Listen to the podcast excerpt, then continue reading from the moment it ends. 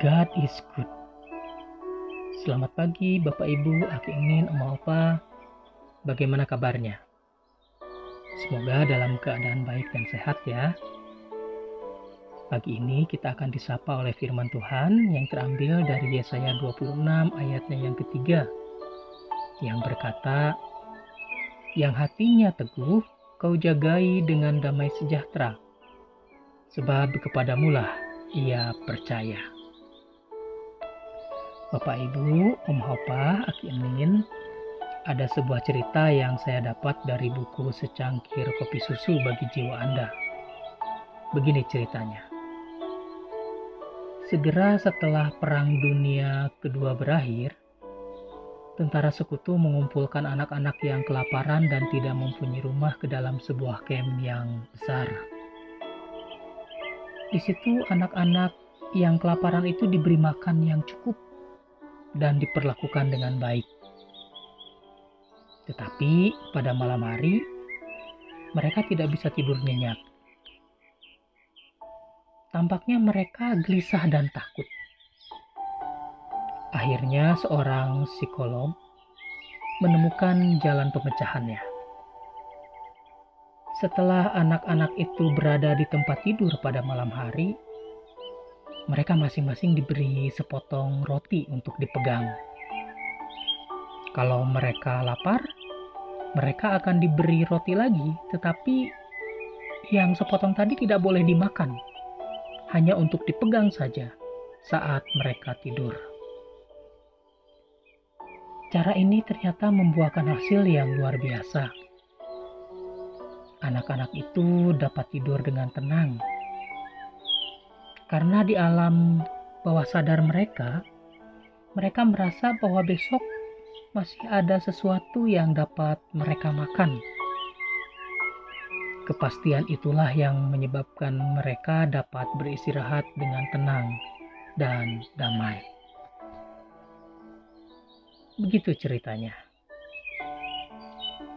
Nah, pertanyaannya, kira-kira bagi kita, apa yang dapat membuat kita tenang dan damai. Apa atau siapa yang dapat kita pegang supaya kita tenang dan damai? Firman Tuhan yang kita dengar tadi berkata, "Yang hatinya teguh kau jagai dengan damai sejahtera, sebab kepadamulah ia percaya." Ayat ini merupakan bagian dari kisah puji-pujian bangsa Israel yang mana memang masih memiliki kaitan dengan pasal sebelumnya, pasal 25. Dalam pasal 25 Tuhan menghancurkan musuh Israel yang diduga adalah Moab. 25 ayat 11. Mendapatkan dan menantikan pertolongan Tuhan dengan cara menghancurkan musuh diibaratkan sebagai orang yang akan masuk ke kota Sion. Orang yang demikian itu disebut orang yang hatinya teguh. Artinya memiliki pendirian dan sikap hidup yang tetap dan positif, yang tidak bisa digoyahkan atau dibuat bimbang dan ragu-ragu. Orang yang demikian juga adalah orang yang percaya. Artinya, yang telah menyerahkan diri sebulat-bulatnya kepada Tuhan dan menantikan segala sesuatu yang baik daripada Tuhan saja. Dan orang yang demikian disebut akan dipelihara dalam damai sejahtera.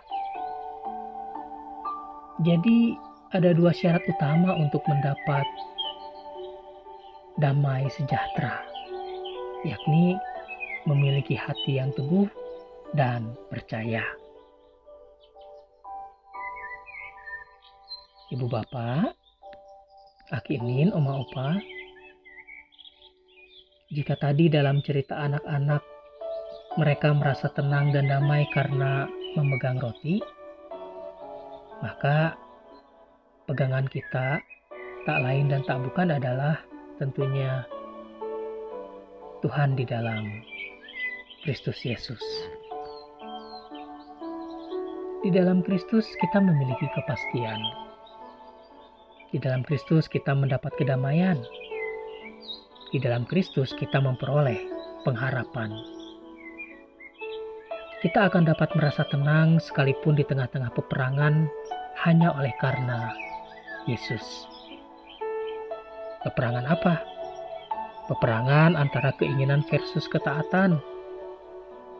Ingin cepat keluar rumah bertemu banyak orang, bertemu saudara, anak-anak, mantu, cucu, sahabat, tapi tidak bisa karena harus taat untuk tetap di rumah supaya tidak menulari atau juga ditulari virus.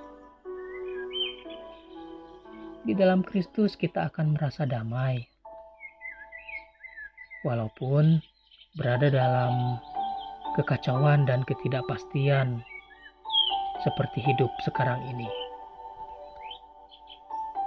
Angin ribut boleh saja mengamuk, tetapi hati kita akan tenang karena kita telah menemukan damai sejahtera itu bersama Allah.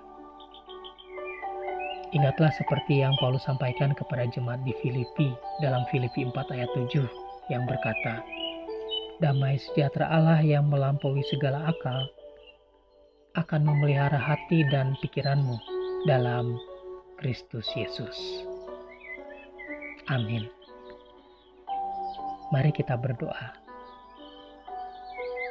Tuhan, kami percaya bahwa sumber kedamaian dan kesejahteraan hidup berada di dalammu. Raih dan rengkuh kami dalam kasihmu, sehingga kami tidak terlepas dari pelukanmu. Amin.